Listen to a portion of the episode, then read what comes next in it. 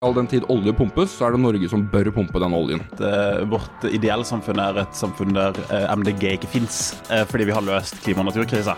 Hvordan skal politikerne løse dette? Er dette noe en politiker bør løse i det hele tatt? Vi må nok gjøre noen ting som vi ellers kanskje ikke hadde gjort for ti år siden. Eller ja, kanskje. En liten tja. Her er Stavrum og Eikeland, en podkast fra Nettavisen. I Stavrum og Eikeland har vi intervjuer med alle lederne for de politiske ungdomsorganisasjonene. Og I dag har vi Grønn Ungdoms Tobias Oftedal Stokkeland, og vi har Fremskrittspartiets Ungdoms Simen Belle. Hei. Først til deg, Stokkeland. Ja. Må man være vegetarianer for å stemme grønt? Nei, jeg, jeg spiser kjøtt, jeg. Jeg flyr av og til og sånn. Eh, du må være mest enig med vår politikk, eh, og da, da burde man stemme grønt. Og Simen, for å gi deg samme fint, da. må man røyke og kjøre SUV for å stemme Frp? Nei, absolutt ikke. Jeg, jeg, har ikke bil, og jeg røyker ikke heller. Og opplever, opplever meg absolutt som en Frp-er. Så jeg må nok eh, stille meg bak Tobias og si at det er troen på politikken det handler mest om. I dag skal vi snakke litt om, om verdisynet og på en måte hva dere egentlig vil. Jeg kan kanskje begynne med deg, eh, med Tobias. Mm. Altså, hva slags eh, framtidssamfunn er det Miljøpartiet De Grønne og Grønn Ungdom ønsker seg? Hva er verdiene dere bygger på? Nei, det er en sånn vits som mange MDG-ere sier, at uh, vårt ideelle samfunn er et samfunn der uh, MDG ikke fins, uh, fordi vi har løst klima- og naturkrisa. som jeg tror er en visjon vi deler med mange Frp-ere, for så vidt. at MDG ikke fins. men nei, det er et samfunn der vi har løst klimakrisa. Vi har slutta å bygge ned natur. Og vi, selv om det uttrykket er veldig, veldig overbrukt, lever i et bærekraftig samfunn. Eh, der vi på en måte kan eh, drive med det samme i dag som vi kan om 50 år. Og vi har, eh, vi har ikke brukt opp ressursene våre. I tillegg så vil jeg si at vi er et, når det kommer til litt mer den vanlige politiske debatten, et parti som mener at liksom, det samfunnet vi har bygd opp i Norge, det velferdssamfunnet vi har i egentlig hele Norden, er en ganske riktig modell. Der man har frihet, man har også et marked. Eh, men man har et trygt og stort sikkerhetsnett. Eh, og man kontinuerlig jobber for at folk ikke skal falle utafor. Eh, så det er vel kanskje idealsamfunnet. Da går spørsmålet videre til deg, Simen. Mm. Hva er liksom framtidsvisjonen? Hvordan skal samfunnet bli? Hva er verdisynet til Fremskrittspartiet som ungdom? Vi er jo et parti som er stiftet som en motvekt til mye av resten av norsk politikk. Fordi mens de fleste norske politikerne stiller seg selv spørsmålet hvordan skal politikerne løse dette, så stiller en Frp-er spørsmålet er dette noe en politiker bør løse i det hele tatt. Så vi, vi har alltid hatt en sånn litt kontrær rolle i norsk politikk, eh, hvor vår oppgave har vært å passe på at staten ikke blander seg for mye inn, tar for stor plass. Og Sånn sett så har ikke vårt prosjekt nødvendigvis noen endestasjon. For jeg tror, og det er en god ting, at det alltid vil finnes opposisjonspartier i Norge sant, som er uenige med hverandre. Eh, og i all den tid Arbeiderpartiet, Høyre, MDG, SV og de andre partiene sitter på Stortinget, så mener jeg at Fremskrittspartiet har en jobb å gjøre. Og det er å sørge for at ja, mange av de gode løsningene som Norge er tuftet på og bygget på, eh, videreføres.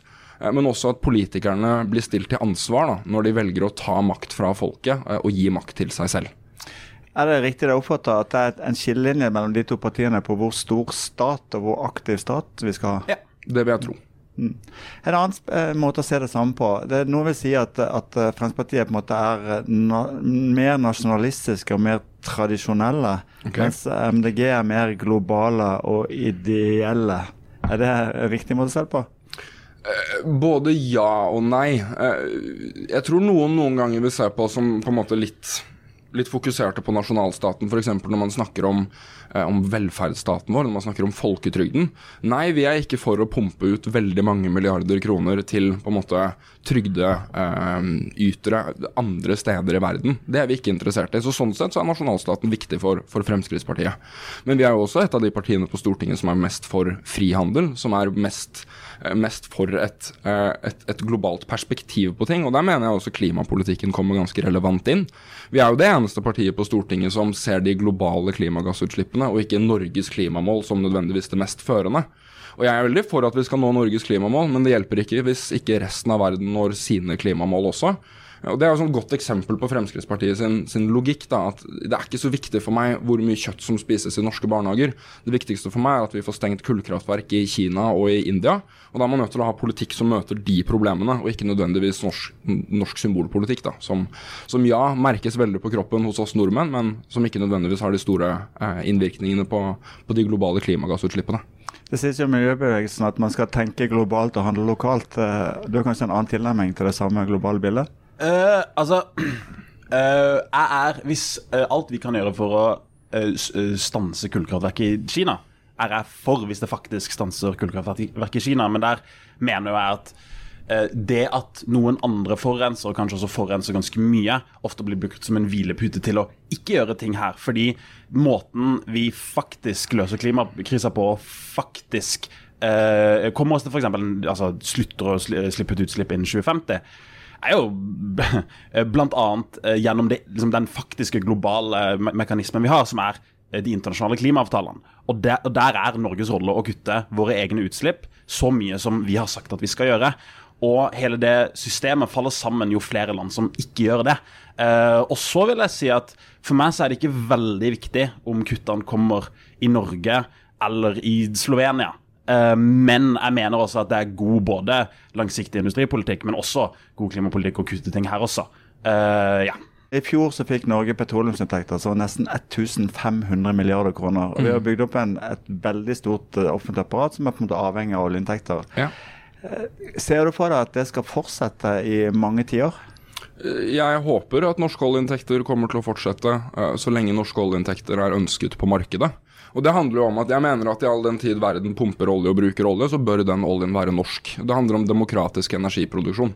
Vi har sett noen grufulle eksempler det siste året på når ikke-demokratiske land får kontroll over energiressursene til demokratiske land. Uh, det er et, et problem som ja, som er så altoverskyggende når det skjer, at, at, man fullstendig stanser hele klimakampen så fort de problemene oppstår. Så jeg mener at i all den tid Norge, eller eh, i all den tid olje pumpes, så er det Norge som bør pumpe den oljen. Så mener jeg også at vi som politikere har som ansvar å, å skape et samfunn hvor oljen ikke nødvendigvis er Eh, er, er, nødvendig lenger, at man ikke trenger den. Men det er en helt annen innstilling til problemet enn det Miljøpartiet har. Fordi Miljøpartiet sier nei, olje er dumt, dette vil vi ikke ha. Vi forbyr det, eller stopper det, eller kveler det, eller, eller hva nå enn. Jeg ønsker et samfunn hvor innovasjonen går såpass fort fram at oljen blir avleggs. Så ja, vi ønsker det samme endepunktet og sånn sett det samme resultatet med at verden er fornybar og ikke lenger bruker olje, men vi er for å bruke to vidt forskjellige virkemidler for å nå det målet. Tobias, altså dere er jo villige til å bruke inntektene vi får fra oljen over statsbudsjettet, og samtidig så er det vel bedre at vi produserer det enn Saudi-Arabia? Det er på en måte det, det er to ting. Akkurat nå eh, så, så, mener jeg at vi skal pumpe absolutt all olje og gass vi kan, sende det til Europa, som er de som Altså 99 av vår gass går til Europa. Uh, men på lengre sikt så er det to ting som skjer.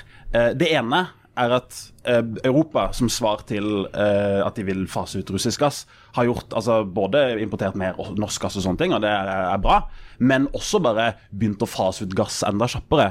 Skjerpa sine egne klimamål. Begynt å investere ekstremt mye i fornybar energi og kjernekraft og strømsparing og alle de tingene som gjør at etter hvert så blir vår olje og gass enda mer eh, altså lettere konkurrert ut. Og det er det som jeg mener eh, er på en måte problemet for eh, norsk oljeindustri, er at den siste oljen og gassen Hadde vi hatt en sånn greie hvor sånn Ja, vi, vi skal produsere den.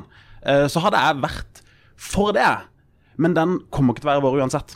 Fordi vi kommer ikke til å konkurrere på pris på den siste oljen i forhold til Saudi-Arabia, i forhold til eh, eh, faktisk deler av USA og sånn også. Men, men, det viktigste vi kan gjøre for at eh, Russland, for at eh, Saudi-Arabia, for at Tunisia, alle de landene som vi ikke liker så godt, eh, skal slutte å ha den makta, er jo bare å slutte med olje og gass globalt. Og her kommer det jeg mener er et problem eh, med dagens olje- og gasspolitikk, hvor vi fortsetter å lete og og, og, rett og slett har en politikk som, som mener at vi skal liksom drive med dette kjempe, kjempe, kjempelenge, er at alle de tingene som faktisk kutter utslipp globalt, faktisk, eh, faktisk gjør at man ikke importerer verken norsk eller saudiarabisk eller russ, russisk olje. Eh, eh, alle de tingene, karbonfangst og -lagring, alle de tingene, eh, havvind, hydrogen, blir utkonkurrert av olje. Det er en grunn til at Storbritannia har 90 000 folk akkurat nå som jobber med havvind, mens, eh, mens Norge, Norge altså an, andelen folk som jobber med fornybar energi i Norge, har gått ned siden 2020. Og Det er fordi olja suger opp all den kompetansen. Så mener at vi skal pumpe all den olja vi har akkurat nå. Men jeg mener vi burde tenke lenger enn det. Fordi til slutt så kommer ikke vi til å ha uh, vi, Den siste olja kommer ikke til å være vår, rett og slett. Dessverre. Vi skifter bitte litt grann tema. For uh, nå har jo regjeringen åpna for uh, mineralutvinning på, mm. på, hav, på, havbunnen. Og det har jo miljøbevegelsen vært sterkt imot. Uh, argumentene for er på en måte at vi kan, trenger å utvikle viktige mineraler av sikkerhetshensyn, mm. og det kan være lønnsomt. Argumentene mot er miljø. Hva mener Frp om det? Nei, vi, vi mener i utgangspunktet at all lønnsom næring og industri er positivt for landet vårt. Og så mener jeg ikke at vi skal gå uh, ja, mann av huset for å ødelegge havbunnen i Norge. Det er ikke nødvendig i det hele tatt. Men de stedene hvor man skånsomt kan gå inn og skape store verdier uten å, ja, uten å ødelegge for mye av naturen, så mener jeg det er helt legitimt å gjøre. Og Det er jo et sted hvor klimabevegelsen ofte møter seg selv litt i døra. Det er at De er veldig for vindmøller, veldig mot å bygge vindmøller. Veldig for dette prosjektet, veldig mot veien som trengs for å bygge prosjektet. Uh, og jeg opplever på ingen måte Tobias som en sånn fyr, bare så det er nevnt. men men, men, det er jo litt, litt den der catch 22-greia hvor hele klimadebatten står. Fordi man er veldig for veldig mange forskjellige ting, og så finner man alltid en eller annen god grunn eh, imot. Eh, men min grunnholdning er at hvert eneste lønnsomme industriprosjekt som kan finne sted på norsk jord, eller norsk havbunn for den saks skyld, eh, som ikke går hardt utover naturen og miljøet, det syns jeg er kjempepositivt. Alt som drar penger inn til statskassa, syns jeg er en god ting. Ja, og, og trenger vi ikke dette for å faktisk få til en grønn omstilling? Jeg det, dette er en sånn ting som sånn, jeg tror alle i miljøbevegelsen eh, som er umiddelbart mener det ene eller det andre, og ikke reflekterer liksom, grunnleggende om det, bare tar feil. Fordi vi trenger de mineralene. ikke sant? Det mener, det mener jeg 100% Og jeg mener også at den sikkerhetspolitiske situasjonen vi har, viser ganske tydelig at vi må nok gjøre noen ting som vi ellers kanskje ikke hadde gjort for ti år siden. Eh, problemet mitt med eh, utvinning, av mineraler i havbunnen akkurat nå er at det er ekstremt dårlig utreda.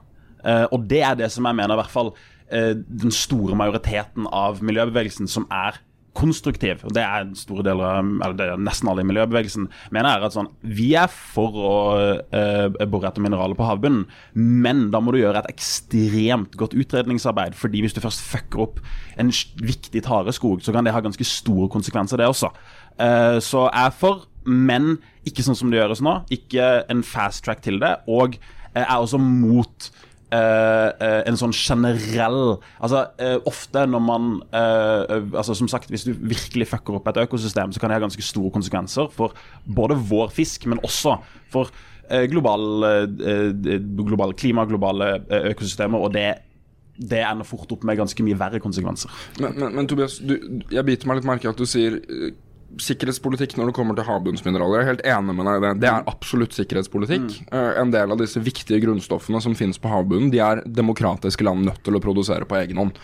Europa har vært slepphendte helt siden slutten av 90-tallet med den politikken her, og det, det, får vi absolutt smake nå. Men jeg mener jo at den, den, samme rasjonale som du bruker for havbunnsmineraler, velger jeg også å bruke for norsk olje og gass. Fordi alternativet til norsk olje og gass, det er ikke vindmøller eller vannkraftverk. Det er kull, gass, eller ja, det er egentlig i stor grad kull, da. Eller gass og olje fra andre steder. Og jeg mener at i all den tid hvor det fins steder i verden hvor vi trenger olje, så bør Norge være de som supplerer den oljen. Og jeg er helt uenig med deg når du sier at Norge ikke er i stand til å levere den siste oljen. Fordi det land sakte, men sikkert forstår nå, det er at en stabil, forutsigbar og langsiktig avtale på ja, det som er fossile brensler, eh, kan veie mye tyngre enn utelukkende pris. Det er derfor man ser at Europa er villig til å betale høyere priser istedenfor å kjøpe billigere fra andre steder. Det er fordi forutsigbarheten er viktig for dem. Og jeg ja. mener at Norge er i stand til å levere den forutsigbarheten, og derfor så bør vi, bør vi pumpe olje. Nå eh, skal vi over på en kortere eh, runde med kortere svar. Eh, punkt 1. Eh, bør man føle en viss skam hvis man bruk, drar med fly på ferie i sommer? Nei. Nei. Skal vi ha, fortsette med eksamen i videregående skole? Ja. Ikke sånn som i dag. Nei, det vil ikke jeg heller. Men, men, men, ja. Eller ja, kanskje. En liten tja. Ja, ja, jeg har sånn der, kan jeg bare kjapt Jeg har sånn Arbeiderparti-svar på, på, dette som er sånn Vi må sette ned et utvalg, og så finner vi ut av dette. Så, men jeg, jeg, må være litt mot dagens eksamensform. Skal vi beholde fraværsgrensen? Ja. Ikke som i dag. Er heller ikke som i dagen nei. men ja, den skal bestå. Og ja, det skal være en fraværsgrense i norsk videregående skole. Eh, boligsparing for ungdom med, skatte, skatte, med skattegunstig, skal vi ha det? Ja, den bør gå tilbake til sånn den var, eller styrkes.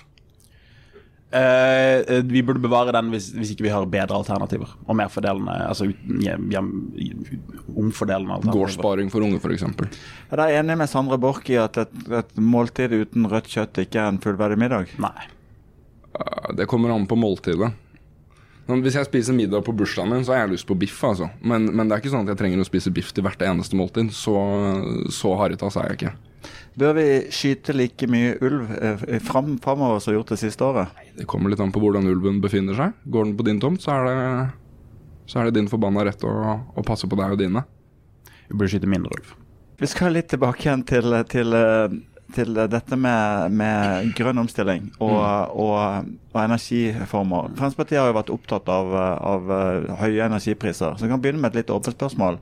Er det bra eller ikke bra at eh, strømprisen i Norge er høy? Eh, det kommer jo an på hvilke øyne du ser med, på en måte. Eh, for aksjonærene i strømselskapene, som det ofte er kommunene, så er det en kjempeting. De drar jo inn masse penger på det. For forbrukere flest er det kanskje ikke en så god ting. Og så vil mange sikkert si at ja, høye priser stimulerer til lavere bruk og bla, bla, bla, og det er bra, men, men jeg tror at de aller, aller fleste har sånn, et grunnforbruk av strøm som er ganske nødvendig, typ til å varme opp leiligheten du bor i, og til å få mat, middagen din varm og den typen ting. Lys i stua og sånn. Og det strømforbruket der mener ikke jeg bør være svindyrt. Og så tror jeg vi sikkert kan finne ganske groteske eksempler på folk som uh, har varmekabler på tennisbanen og utebasseng på vinteren på 30 grader. Ikke sant? Det finnes masse eksempler på, på bortkasta strøm. Og der kan pris være en mekanisme som er fornuftig, det, for all del. Eh, Men jeg mener ikke at et land som er så selvforsynt på strøm som Norge, bør ha så høye strømpriser som Norge nå har. Så Hva jeg er mener jo du, Tobias? Bør strømprisen være høy eller lav? Uh, jeg mener vi burde jobbe for å få ned strømprisen for der den er nå. Og så kan vi godt for min del ha en litt høyere strømpris enn vi hadde i liksom 2016. Eh, men jeg mener at sånn som det er nå, eh, er, treffer ekstremt skeivt og treffer mange og har, eh, tror jeg, gravd ganske godt inn i lommeboka til altfor mange folk. eh, og folk som sliter, og det, det er jeg veldig imot. Hvis vi bygger havvind, jeg ta Søndre Nordsjø 2, eh, bør vi bygge de med kabler til utlandet eller kabler bare til Norge? Jeg syns jo hele dette havvindsprosjektet er litt tullete, fordi vi skal kaste ekstremt mye skattepenger etter det. Eh, det står jo politikere på TV hver eneste dag og snakker om dette prosjektet som superlønnsomt, og det er ikke måte på. Det finnes jo ikke lønnsomt. Eh, vi, er, vi er liksom allerede oppe i tosifret milliardbeløp, og det er bare budsjettet. Få se når regninga til slutt kommer. Den er som regel litt høyere. Og jeg mener at Hvis dette prosjektet hadde vært lønnsomt, be my guest, send kabler der det passer deg, for all del. Eh, Men jeg er ikke for at det norske folk eh, gjennom skatt skal investere i infrastruktur som ikke er lønnsom i det hele tatt. Jeg kan gi et eksempel på, på et, et prosjekt hvor denne teknologien ville vært lønnsom. Tidligere år så var Jan Christian Vestre, næringsministeren, med en svær delegasjon med norske næringslivsfolk eh, til, på tur til India. India har jo et problem hvor de har veldig lite plass, veldig mye folk og et skrikende behov for ren energi. Der tok lokale indiske myndigheter og sa hjertelig velkommen, sett opp vindmøller. Vi har eh, ganske grunn kyst, vi har store muligheter, her er det gode vindforhold, bla, bla, bla. bla, bla. Penger er der, eh, insentivene er der. Man ønsker å sette det opp, det er ikke måte på. Be my guest, sett opp vindmøller. Og fordi, fordi der er det lønnsomt, men et prosjekt som da skal kaste ut liksom 30-40 milliarder skattekroner på å sette opp noen få vindmøller som ikke kommer til å ha noen påvirkning på noen ting som helst i Norge, det synes jeg er ganske Det er jeg veldig skeptisk til, for å være helt ærlig. Hva er deres syn på hybridkabler eller kabler til Nei, utlandet? fordi det er jo det, er jo det, det, er jo det jeg syns bare Simen ikke nevner i hele denne debatten. er jo at det har vi en prosjekt der. Hvis du lager de kablene til, eh, til, eh, til Danmark, var det vel, så er det lønnsomt. Så trenger du, kun, trenger du sannsynligvis veldig lite subsidier, kanskje noe rundt eh, nettet og sånne ting, men, men eh, eh, du får du får både strøm, som vi trenger, og du får en god del arbeidsplass som vi trenger, og du får starta en god del av den omstillinga vi trenger. Eh, og så eh, mener jeg at akkurat nå så eh, Jeg vil jo bare først si det. Jeg ville helst gjort det med så lite subsidier som mulig. lager de hybridkablene. Men fordi vi har en offentlig debatt i Norge hvor det å selge strøm til Europa har blitt en sånn stor synd, bl.a. pga. Liksom spesielt Senterpartiet og Frp, da, pga. den retorikken som er, og den euroskepsisen som er. Eh, så har vi havna i en situasjon hvor vi, må- vi bruker 20 milliarder på dette. Fordi jeg vil også bare si det at Hvis du ikke skal lage hybridkabler, så er eh, alternativene enten å eh, bruke, de, bruke 7 milliarder kroner, som er ekstremt mye penger, eller bare gi opp at vi skal ha en havvindindustri i Norge. Og det eh, kan du godt gjøre, og det kan du godt, da, men da, men da syns jeg du skal være ærlig på det. Fordi eh, hvis vi ikke skal selge strømmen til Europa med havvind, så kommer ikke vi til å klare å konkurrere. Og da eh, går den kompetansen til Storbritannia, til Danmark, som allerede er ganske langt foran oss der. Vi eh, skal ha et kort eh, spørsmål til. Du sitter i bystyret et sted, og det kommer et spørsmål om dere skal godta vindmøller i din kommune. Og det er lønnsomt? Ja eller nei? Jeg mener at det bør være en lokal folkeavstemning om vindmølleutbygging. Og jeg syns i utgangspunktet, altså sånn rent politisk, kanskje ikke at det trengs, men man ser på, på, på opinionen i folket at den er splittet. Og, og jeg mener at lokal forankring er viktig, og en lokal folkeavstemning ville løst det problemet ganske enkelt. Du sitter i bystyret i Kristiansand. Ja, det gjør jeg ikke, men jeg kunne- kunne gjort det. Teoretisk. Kunne gjort det. Vindmøller i Kristiansand? Eh, kommer heller på hvor. Eh, hvis, det er i, hvis vi ødelegger urørt natur, så er jeg imot. Eh, hvis vi ødelegger kanskje rørt, hvis vi ødelegger Baneheia, som er et viktig fritidsområde, kanskje ikke. Men hvis det f.eks. er på en industripark eller et sted hvor det ikke ødelegger natur, så er jeg ekstremt for. Og kanskje også noe natur som ikke er urørt, kan jeg gå med på å ødelegge. Da nærmer vi oss slutten, men dere skal få en appell hver. nemlig den, Appellen går til en førstegangsvelger. Eh, En slags veiledning til hvorfor vedkommende skal stemme Fremskrittspartiet. Først deg, Simen. Eh, hvis du ønsker et samfunn hvor staten tar litt mindre plass i livet ditt, eh, hvor politikerne stjeler litt mindre av pengene dine, hvor du får lov til å si hva du mener, uansett hva du mener, hvor du får lov til å være den du er, tro på hvem du vil, eh, elske den du vil, og, og leve i fred, da stemmer du på Fremskrittspartiet. Vi er et parti som kjemper for at staten skal ta minst mulig plass i ditt liv, og at du skal ha størst muligheter til å utfolde deg til å bli den du selv er. Vi tror ikke at alle er like, vi tror at alle er unike. eh, Og hvis du stemmer på Fremskrittspartiet, så gir du faktisk en stemme til deg selv. Tobias, hvorfor skal en førstegangsvelger stemme Miljøpartiet De Grønne? Den største krisa vi står i i dag, det er klimakrisa. Eh, konsekvensene hvis vi ikke løser den, kommer til å være enorme. Og vi kan ikke gjøre alt, men eh, vi kan gjøre vårt. Og eh, hvis du stemmer på Miljøpartiet De Grønne, så kommer, det, så kommer bussen sannsynligvis til å bli billigere. Den kommer til å komme oftere, og vi kommer til å legge til rette for at selv om du er en eh, klimafornektende medlem av Norgesdemokratene, så kommer du til å velge det mest klimavennlige alternativet. Eh, I tillegg så kommer vi til å se på det som fungerer. Eh, både f.eks. i ruspolitikken, der vi i dag straffer istedenfor å hjelpe. Eh, men også eh, når det kommer til eh, hvordan vi behandler ulike grupper i samfunnet. Og vi kommer nok generelt, hvis du stemmer MDG, så eh, kommer du til å eh, stemme for et samfunn der man tar mer vare på hverandre.